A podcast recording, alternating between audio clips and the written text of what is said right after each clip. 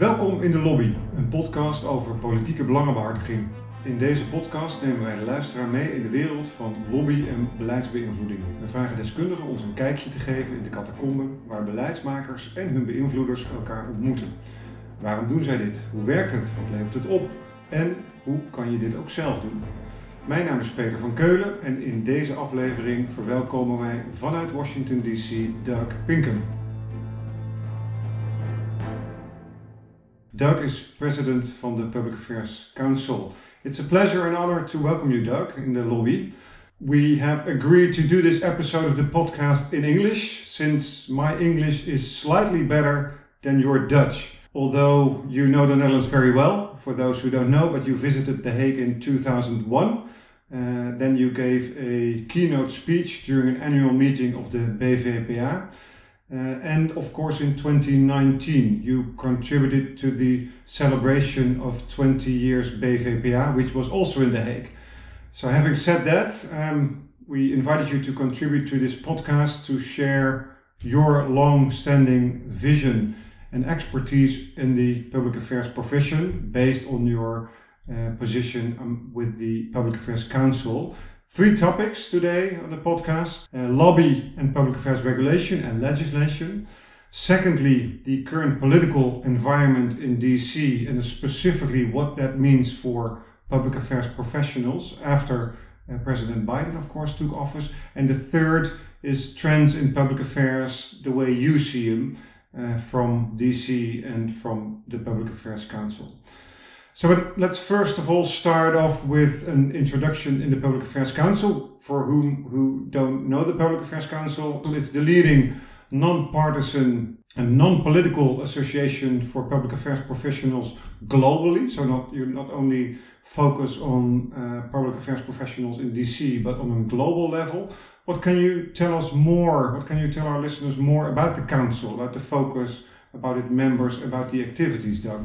Oh, sure, and it's it's uh, delightful to uh, take part in this program, Peter. It's good to see you again. Um, you mentioned my two trips uh, to the Netherlands, um, and uh, the 2019 trip was the last time I was I was in Europe. In fact, I have to say I have not been on an airplane since March of 2020, which is amazing for someone who tends to travel constantly, uh, both in the U.S. and globally. But we'll get back to that. Um, so perhaps in 2022 I can I can return. Um, it's been a very interesting time uh, to work in this field. Uh, the Public Affairs Council um, was created in 1954 at the suggestion of then President Eisenhower, who felt the business community was not adequately engaged uh, in government and society. Um, now we kind of take it for granted that people lobby when they're trying to influence public policy. Um, back then, um, things were not quite so strategic. Um, if, if a company was facing a major legislative or regulatory challenge, uh, they would hire a contract lobbyist who literally rode around in the back seat of a of a black limousine and knew all the right uh, members of Congress. Um, and the same is true in communications. Um, there wasn't a lot of strategic communications to try to create a better environment in which people liked you and wanted to do business with you. It was, uh oh, we're in trouble. We better hire someone to get us out of trouble. So that was before the whole notion really of corporate responsibility and sustainability and a lot of these ideas that are, are, just common language in the business world these days. So we were created as a civic organization in the 1960s. We morphed into a full service uh, professional society, uh, doing training and executive education, um, helping our members solve problems. We do a lot of casework on strategy. Um, uh, and then we create a sense of community for people who work in this field. Uh, we have roughly 700 mem- 720 member organizations. Many of them are, big companies, but not exclusively. We have some NGOs. We have um, about five universities who are members and quite a few trade associations. Um, I think what makes the model work is that, um, first of all, it makes my governance job easier as I don't have to get my board to agree on much of anything other than the budget um, because we are not hashing out public policy differences ourselves. So it's an eclectic group, and I think that makes for, frankly, a better learning experience. Um, we find that good ideas are created in many different places, maybe by an NGO, within the chemical industry, within the tech sector, within forest products or agriculture. Um, and often people working in these sectors uh, don't spend a lot of time with colleagues doing a similar job, but in a completely different industry. much less in a completely different part of the world.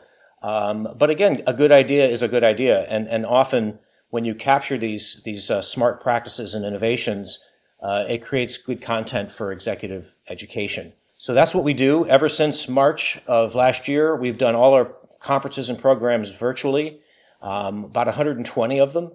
Uh, and so we've been very busy learning the technology and trying to create a good experience for people uh, when they take part online. So tell me something about the history since you were founded, because you expanded. I assume you started with an US focus, but you now focus on global public affairs practitioners. You also have an office in Brussels. Given the fact that public affairs work is so linked to political or legal structures that are totally different, where is the link on a global level? Well, are the similarities all over the world?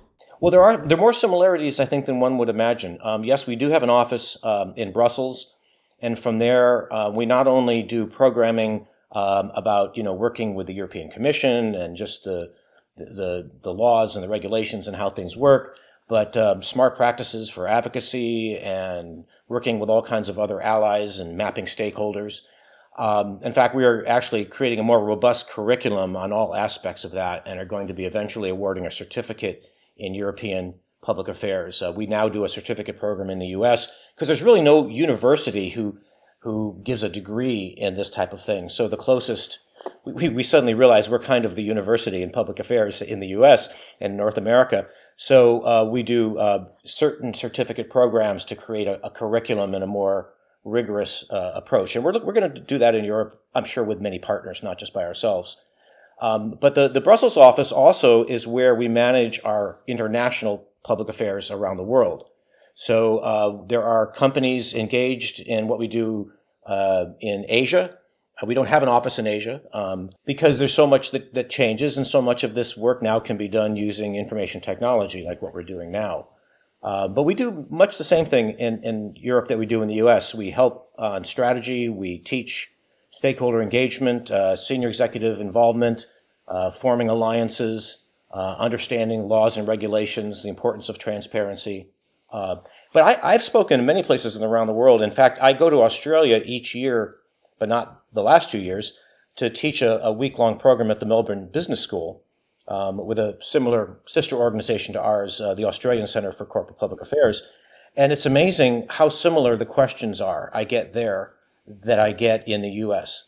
Um, whether the subject is reputation management um, or lobbying strategies um, or working with senior executives, um, I, I, you literally, other than the, the change in venue and the different accents and language, um, it could be a program in Washington. So that always amazes me is how similar the problems are that people face working in this field around the world. That's a good link, um, Doug. Before we look into the topics, we would like to ask you and see uh, in what respect these questions are similar to the questions you get in other countries. But before we go into that, I would like to be the first, hopefully the first, to congratulate you with the fact that next year in February you fulfill your position at the Public Affairs Council for already for 25 years. My question to you on those 25 years what is there to be done for the Public Affairs Council to make it a 3.0 version? Or do you think it's, it's ready for the future now as it is right now? Well, I think one of the things that makes it such an exciting field to work in and why I've stayed 25 years is that it's never the same in two consecutive years. Um, there's always change going on because if you are working in an area to help organizations um, deal with government, deal with changes in society, there are always changes in public policy, in, in who the policymakers are, in uh, priorities, um, in crises like like COVID. Um, so new things are happening all the time, and it requires new techniques and new strategies. Um, we, we take a very broad definition of public affairs as all those things you do to monitor and manage, or try to manage, the environment in which you do business. So naturally, the business environment is always evolving. Um, so in terms of what what will be next, I, I, think the biggest change in 25 years has been the advent of the internet and how it has transformed uh, the nature of all aspects of not just commerce, um, but also you know people talked about e-commerce initially, and we were out there talking about idea commerce. That the internet allows people to spread ideas hopefully not false ideas, uh, which has been the latest uh, challenge. Um, but it finds like-minded people. It gives them the ability to locate each other and to create a political movement without a lot of money. And it used to be you had to have a lot of money to be able to to state your case, uh, to get an audience. And now, you know, some of the most powerful lobbying groups in the world are NGOs because they have a, a compelling cause and very talented people. So that has been the big change. I'm not sure what's going to come next, um, other than I think we're going to see more rapid deployment of uh, video technologies like Zoom and others that will make um, a lot of it will increase the amount of interaction and opportunities for interaction and it won't as i said earlier replace in-person meetings but there's certain cases where it's much more efficient you know you don't want to get on a plane fly for two hours for a one hour meeting. You know it, it will become routine that we will do a bit of both. Um, it also means that our employees may be living everywhere. Um, we recently had an employee in our, our brussels office um, who we only knew him as Steve from Latvia for his first three years because we knew his name was Steve and he was a Brit and he was living in Latvia and he was helping us on administrative work. So it became almost humorous that this person from Latvia, where none of us had visited, was doing this wonderful administrative work. Now we are finding I have people on my staff, one who lives in the UK, one who is married to an Air Force pilot, and she moves every two years. And right now she's living in Texas or perhaps Louisiana. And what we've learned is there's more than one way to form a, a strong relationship, and it, it, can be virtual. Let's start off, although that's the new world, with an old topic. At least for the for you, it's an old topic which you have familiarized yourself for a long time. But in our country, in the Netherlands, but also in the EU, it's more or less a new subject, uh, and that's uh, about regulating lobbying if I'm not mistaken, um, the US was 75 years ago the first to have legislation that regulated uh, lobbyists in, in, as of 1946. In, in the Netherlands, until now, we had a system more or less based on trust. Uh, there were, was no legislation, there was no regulation, uh, but this system, as it was until now, has been challenged uh, not only by the OECD, also by some awkward situations in which cabinet members switched to trade associations or uh, organizations outside government, which caused some discussion. Is that right to transfer out?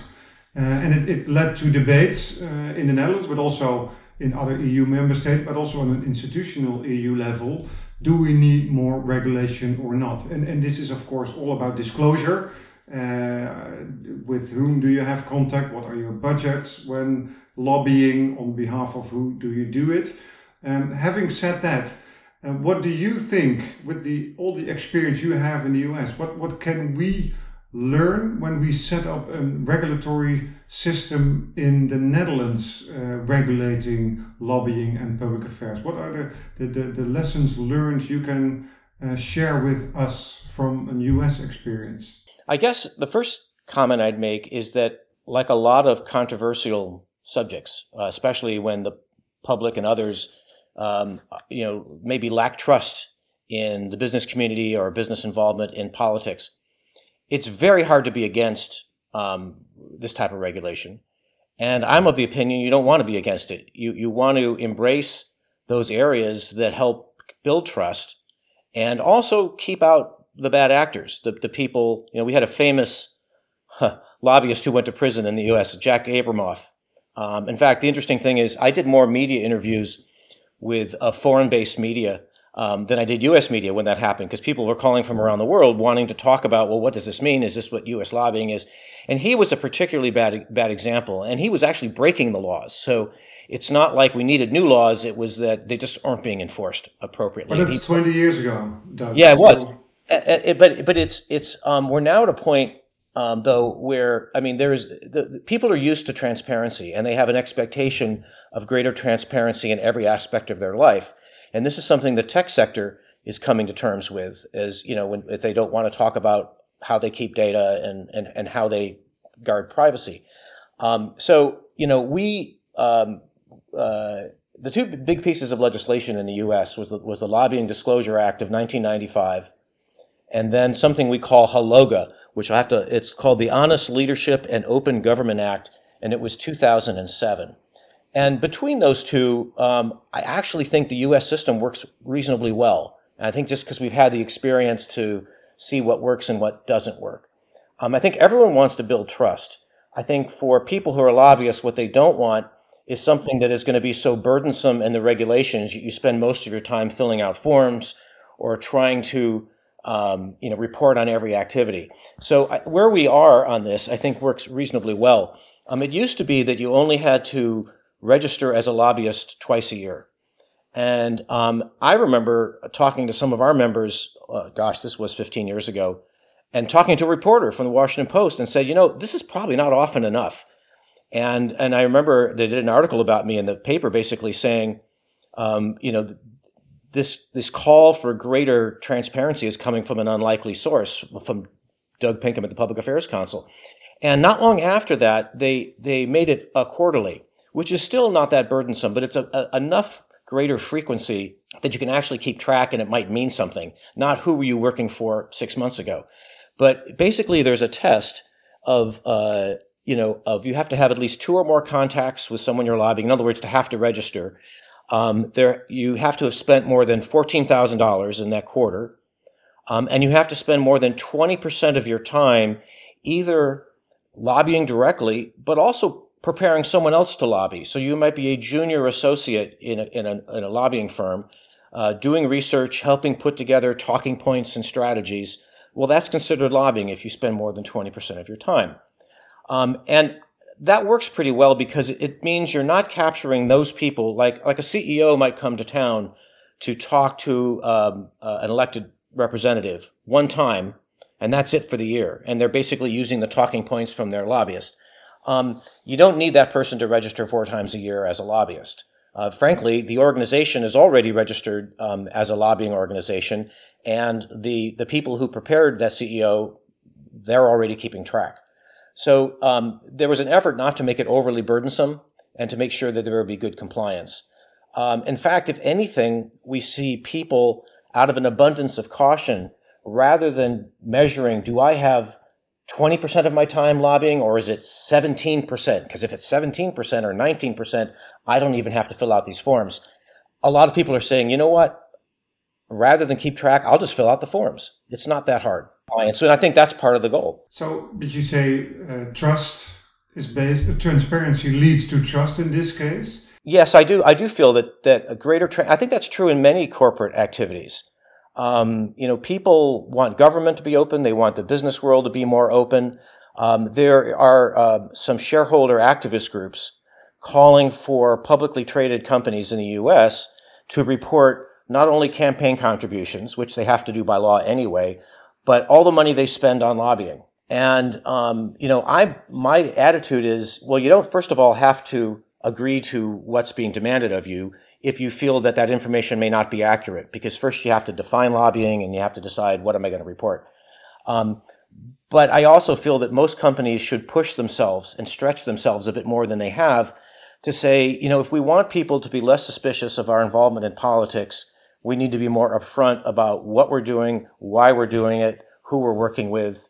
Um, um, but they also have to have a commitment to having accurate information. So if we're not sure about the data because we are dependent on someone else to give us the data to report these numbers, well, then let's just say, here's a group we're working with, but then not get into the specifics.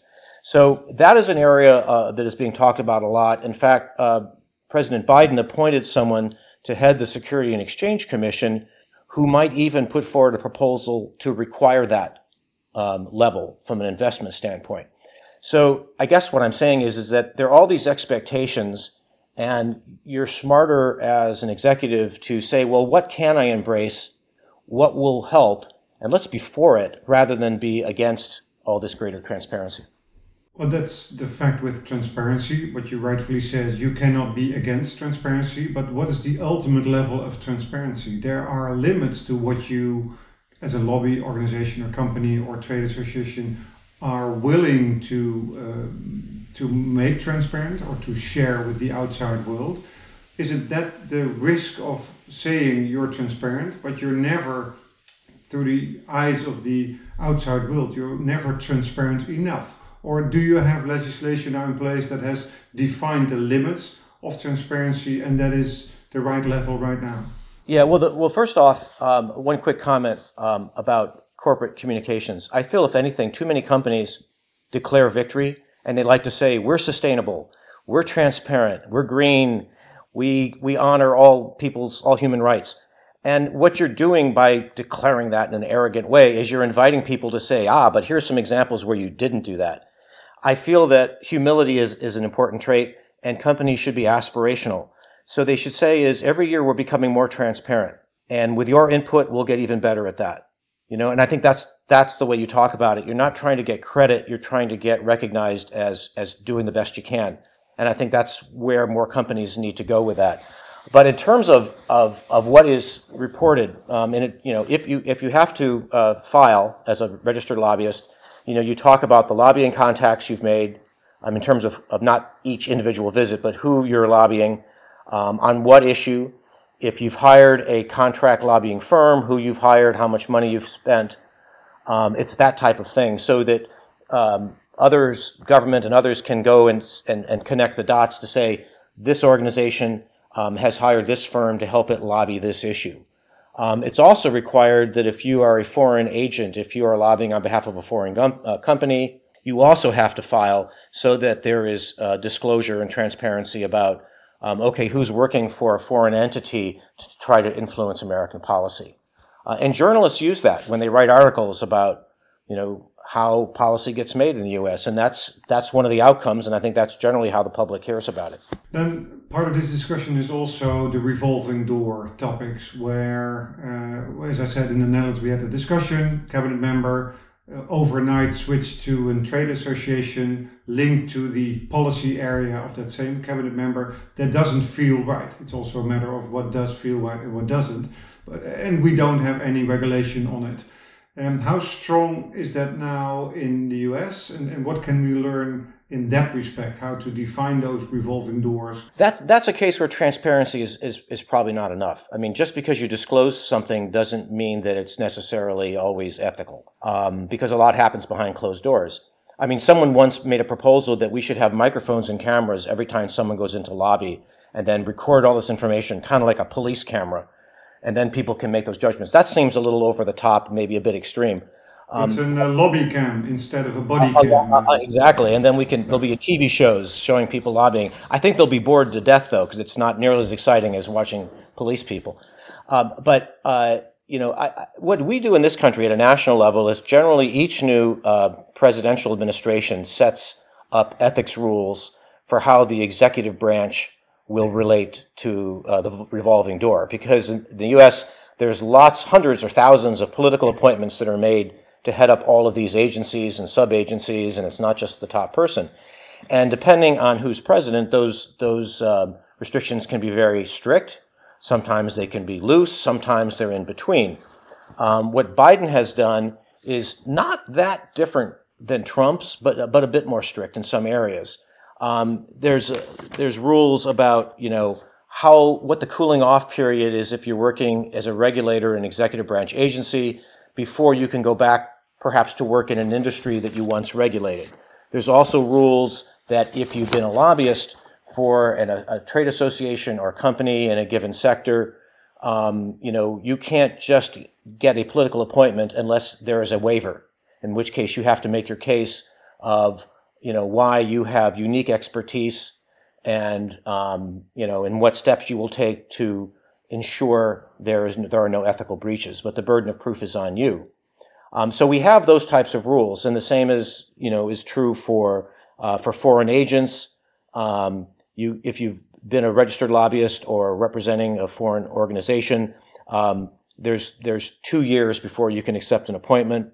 Um, yeah, for those leaving the government, uh, you cannot under the Biden administration you cannot um, uh, lobby the government for either two years or the rest of his term, whichever is longer. So if you leave after the first year, you've got three years, or if he gets reelected, it could be seven years. Um, those are pretty reasonable and stricter than average. Interesting contrast is um, when Obama was president, um, you know, both uh, Obama and John McCain, his opponent in 2008, ran on a platform that we're going to clean up Washington. A lot of people try to clean up Washington. Um, and but they both agreed on that. And John McCain was was a very ardent supporter of, of uh, you know improving integrity and so forth of political engagement.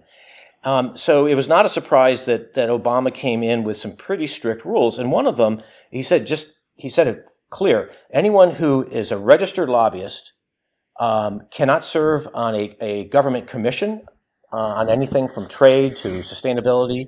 Um, when we dealt with the great financial crisis, they said that anyone who's a registered lobbyist cannot represent anyone trying to get aid from the government, you know, to help bail out their company, their industry, their university. But by making those rules, it created a, a lot of problems on, on the issue of the commissions. Some of the greatest experts in the U.S. on, on a given set of issues are people who spend 20% of their time lobbying, meaning they're preparing position papers and doing research. But those are where a lot of the experts work part time. So none of those people could serve, and that created a real problem. And eventually, uh, a court threw out Obama's uh, restriction on that for various related reasons. So that was a case of going too far. Um, so it was, it was, interesting. In fact, the president, as a Democrat, um, you know, made some enemies among Democratic lobbyists um, who felt, you know, it's going to be hard to do my job with this level of distrust. So perhaps that told us, okay, that's perhaps a little too far in this one direction. And so what Biden did is he said, I'm not saying no, but you have to get a waiver to prove that this will not be an unethical situation if you come to work for my administration. Um, and the reality is, Obama wound up doing a bunch of, of waivers anyway. So I think we've had some experience on you know both sides of this equation now, and I, I think the system works reasonably well you described what the presidency did under the Obama administration, and I think he did so in the first week or first two weeks of starting his presidency, that he was very strict on uh, these regulations. Um, now you have the Biden office, we'll talk about that a little bit later. But it was Trump who said he wanted to drain the swamp. Uh, as you said, we have you have had many administrations that wanted to decrease the power uh, of lobbyists in, in, in Washington, but he also had the dream or and for some nightmare to drain the swamp, saying that, that or in, in, in suggesting that lobbyists have a bad impact on the country or policymakers or the working class in the US or whatever his motive was. What ha actually happened during administration? Was he very strict? Fighting uh, the influence of lobbyists, or what happened during the Trump administration in this respect? I will tell you, um, in terms of the executive branch, which is what the president has responsibility for, you know, Congress has other ethics rules. Um, uh, things were very swampy uh, during the Trump administration, particularly swampy. Um, and there's, of course, there's irony to that because Washington actually was built on a swamp. So, you know, there's so there, the metaphor goes back uh, eons, but um, there it really became um, uh, a, an interesting game of how do you influence the Trump White House. Um, he didn't read his briefing memos. He didn't like to go to meetings. Um, he spent a lot of time in the executive residence, watching television, talking on the phone, and tweeting. I, I am not kidding. Um, and so companies and others were saying, well, what do we have to do? Do we have to get to know someone who knows Trump? Well, what happened was is that among those people who were friends of Trump who became lobbyists, um, it became kind of a, a, a cabal of of insiders, which is exactly what you don't want if you're trying to have transparency and you're trying to make lobbying more inclusive. You want everyone to be able to perhaps come forward with a policy idea, no matter whether they're from a company, an NGO, whatever. Well, it was it was the opposite of what I think uh, a lot of the goals were. So, you know, draining the swamp became a campaign slogan, um, but I saw very little swamp draining. And if anything, I think it made public opinion of Washington um, become even more negative. We did a uh, in one of our uh, we do an annual poll called the Public Affairs Poll, looking at uh, American attitudes toward business and government and society and expectations. And one of the questions we asked two or three years ago uh, was what's wrong with Washington? What makes it swampy? And so we came up with about 14 different things that people might not like. One of them was lobbying and money in politics. Some of it was the revolving door, whatever. Interestingly, the top four, which were the, the main four, and I can't remember all of them, were all things that politicians did. Uh, things like lobbying were actually way down the list. Um, it doesn't mean people love lobbyists, but I think that the American public, at least, is more cynical about the politicians than they are about the advocates themselves. And that data kind of showed uh, how disgusted people were with um, a lot of political behavior that was going on at that time and still goes on. So a little bit less swampy. I remember some stories um, about the Trump Hotel, the former post office, where people rented rooms, and through renting those rooms, you got access to the president. Absolutely. Uh, this president made money. He um, uh, uh countries, uh, Saudi Arabia. Uh, I forgot the, the, list of how many uh, Saudi Arabian diplomats came to Washington and always stayed at the Trump Hotel. Um, and others, and they would always let the president know that that's what they're doing. And the interesting thing is, it came out the other day that the Trump Hotel lost something like seventy million dollars during the Trump years. Um, so maybe he made money from those, but I think everyone else was so alienated by the spectacle that they didn't go stay at the Trump Hotel for, for other reasons. So that it's not an understatement to say things probably have changed since January, also for public affairs professionals. So, so a, I realize it's a very generic question, but what exactly has changed? I, I wish I could say things have become more friendly. I think part of the problem is we're dealing with some major crises, obviously COVID, um, but there's just a lot of difficult legislative issues. Um, and the level of polarizi- polarization between Republicans and Democrats has never been greater. I think, honestly, part of the biggest problem is that Trump hasn't gone away, and he still has a very high level of influence on the Republican Party. If he did not have that, I think there would be more opportunity for bipartisanship. But, but um, for various reasons, it just isn't happening. And part of it is that he's still around uh, uh, exerting a, a, high level of influence because people feel that he owns the base of the Republican Party and Republicans don't want to be challenged in a primary by a Trump supporter and then lose. So it's it's a it's an unfortunate situation that that's even surprised me that this would still be going on this far uh, into the new Biden administration. Um, certain things are better. I mean, there's a greater professionalism among executive branch agencies and the people who run them. Um, a lot of lobbying isn't things that make the news. It's just, you know, regulatory clarifications and new policy proposals and making sure that rules are followed in terms of public input and how the process works. We've gone back to business as usual and, a lot of the day to day workings of government and, and lobbying, which is a good thing.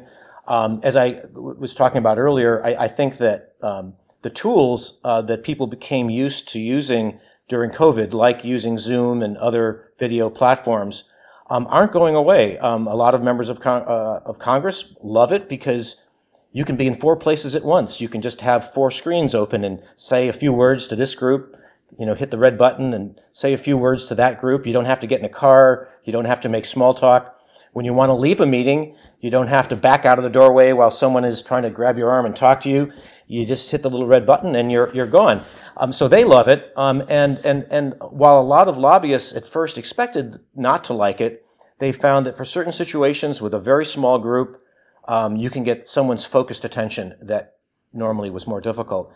So what we've gotten from our surveys and what I expect is that um, there won't be as many face-to-face meetings as there once were. They, they, will still happen. We'll go back to that, but there's a lot of things that can be done, um, frankly, more effectively uh, using video. And so that will be a tool that be used more and more. And I, and I think more people in lobbying are saying that's not all bad. We also asked if people felt that we would be making a stronger move toward uh, digital advocacy uh, and uh, away from traditional lobbying. Um, the number of people who said, yes, it's going to be all digital right after the pandemic started was very high. Since then, it's eased a bit, and people are realizing, okay, digital will continue to be an important tool, uh, an important strategy. Um, more and more people have a digital strategy, and this is true in Europe as well as the US, but it won't out and out replace a lot of traditional lobbying. Um, some lobbying lends itself to digital, some doesn't. But this is why, you know, this is another tool that is available for people trying to tell their story. So while talking, we moved on to the last subject of the podcast today, the trends. And you mentioned virtual lobbying. You and, and, there's a very interesting research you've done as a public affairs council on that subject, which concludes very clearly it's here to stay, virtual lobbying, and that's probably also the reason why you give training on that for your members. Um, so that, that, that's clear. Virtual lobbying, uh, digital advocacy, same. Uh, we're working also towards more hybrid uh, meetings, either online, either offline, or in combination of, of both. Another trend you hear a lot about is sustainable lobbying, and there are ma- many names for that. But is, is that something that's here to stay as well? Focus on sustainable and sustainability with lobbying efforts. A- absolutely. In fact, in the U.S. Um, one of the, you know, as I'm sure you know, in, in the investment world, uh, we talk about ESG or environmental, social, and governance reporting. Um, our new chairman, um, a woman by the name of Karen Himley, who just became our chair last week at our annual meeting, she, she says that's her top priority for this next year is is positioning the public affairs profession to play a larger role in helping their companies um, respond to more accurate and transparent reporting on environmental, social, and governance activities of, of their companies. Because many of them are struggling with how do I do this? How do I, what, what metrics do we use? And I think people in public affairs um, tend to be very good at, at, these management processes to set priorities and to, and to monitor this type of information. And I think there is a real opening for, for that, uh, for this profession to do more in the U.S. and around the world on, on sustainable, sustainability reporting and, you know, the, the, the synergies between uh, governance, uh, and uh, social causes and issues and, and taking care of the environment.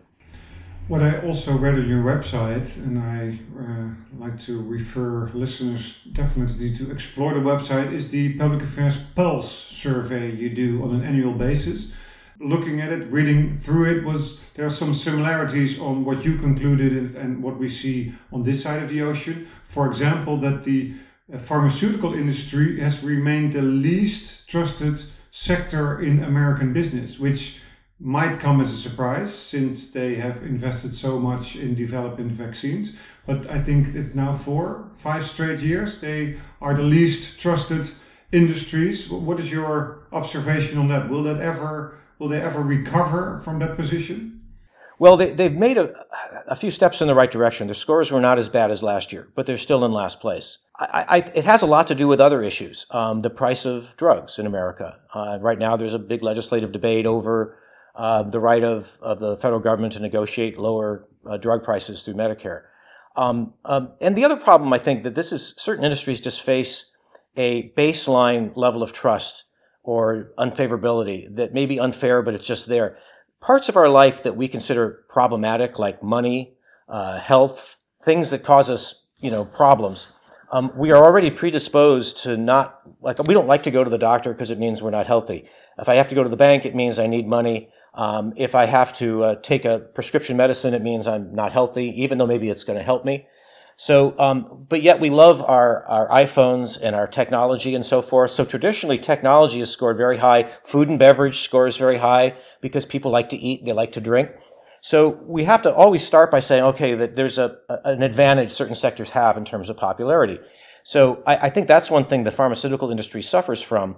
But I also think that um, I, I do think they have the potential because of the tremendous work that's been done on the vaccine development and, and the amazing logistics job of distribution in the US and around the world, um, that they will start getting some credit for that. So I don't expect them to be in last place next year. Um, the sector to watch right now, though, is tech, because we started these surveys in 2011, and for the first six years, technology was the most loved sector.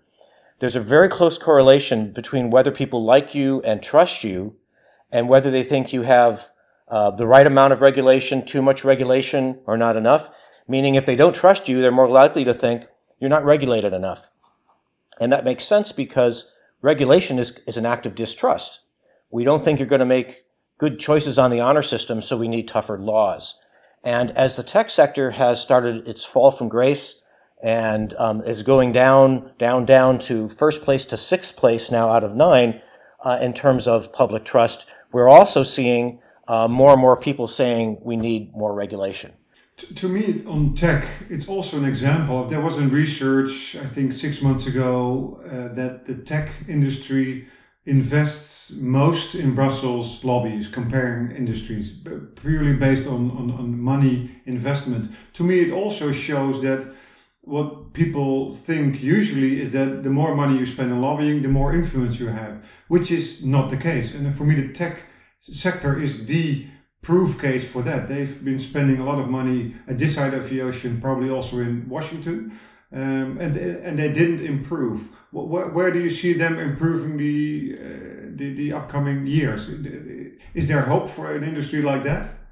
Well, that's a very astute comment, Peter. Um, I, I, think more money is wasted on lobbying than uh, people realize. And it doesn't mean that all money is wasted on lobbying, but if you give me a choice between a lot of money and a compelling story or a compelling need or a cause that people can get behind, I'd rather have the need or the cause to, to defend than to have all the money in the world to try to defend something unpopular or that people don't understand. So it isn't just the money you spend. Um, there's a lot of talent and strategy involved among organizations that lobby well. And part of it is, frankly, being open and um, creating a community of allies who want to see you succeed because they're, they're your customers. They're communities where you do business. You're a generous company and they're people you help. And most of all, your own employees, because that's the most important stakeholder group. Um, and companies that treat their people well and, and have a sense of purpose um, are going to do better. And I, I don't have a concern about them lobbying, but they may not need as much money as some who are very unpopular. Uh, and that's, that's, that's good, actually, in a way. It means that it isn't just about money, which, which 20 years ago, it really was a lot more about money. Um, that a group could not put together an opposition to a company that wanted to open a facility and, you know, people were worried about the environmental damage. You know, good luck getting the media to pay attention to you or to get anyone to even notice that you're out there. Um, but now, because of technology, you can create a very forceful uh, advocacy strategy. With the conclusion for the tech industry itself that money doesn't buy you power, which I think is always good to know and to um, well to conclude if you agree. I, well, the old saying is money doesn't buy happiness, and I would say um, there's a lot of things money doesn't buy, and and one of them is is power and influence. So on this trends, any last trend I missed missed in my examples that you want to share? Um, I think, as I already I touched on it, but I, I can't uh, overstate the problem of this uh, negative partisanship that exists, and it's particularly bad here, but not only here. Um, it means certainly in the U.S. as a, a major force in, in, in, the, in the world, um, it's going to take a long time for us to sufficiently address issues like climate change. Um, our survey showed that more Americans than not think that racism is getting worse, not better, in this country, despite all the protests and so forth. Uh, those are, you know, are, are, huge issues, and and I worry about you know the future and my children and my grandchildren someday. Um, what kind of world we're going to be living in, and I think it's going to require uh, great leadership, and I think a real concerted effort by the business community to lobby not only on behalf of those issues that affect their bottom line, but to lobby for the public good. Uh, and many of them are doing that more than ever. In fact, we actually have a publication on that subject coming out quite soon, because I think there is this sense that you know um, these issues of the public good matter to employees more than ever. Um, and if you want to hire the best people and keep them, and if you want to sleep well at night and feel like in my life I've done something meaningful, um, many companies have the capability to make a positive difference. And if governments aren't willing to step up to do that, I think the private sector um, will need to, and I think public expectations will become very high uh, for companies to take the lead. So why not take the lead before everyone expects you to? And I think that's the direction we need to go. Let me thank you, Doug, for contributing to this podcast. It was again a true pleasure and honor to have you as our guest. I wish you, of course, a well deserved 25th anniversary at the Public Affairs Council next year.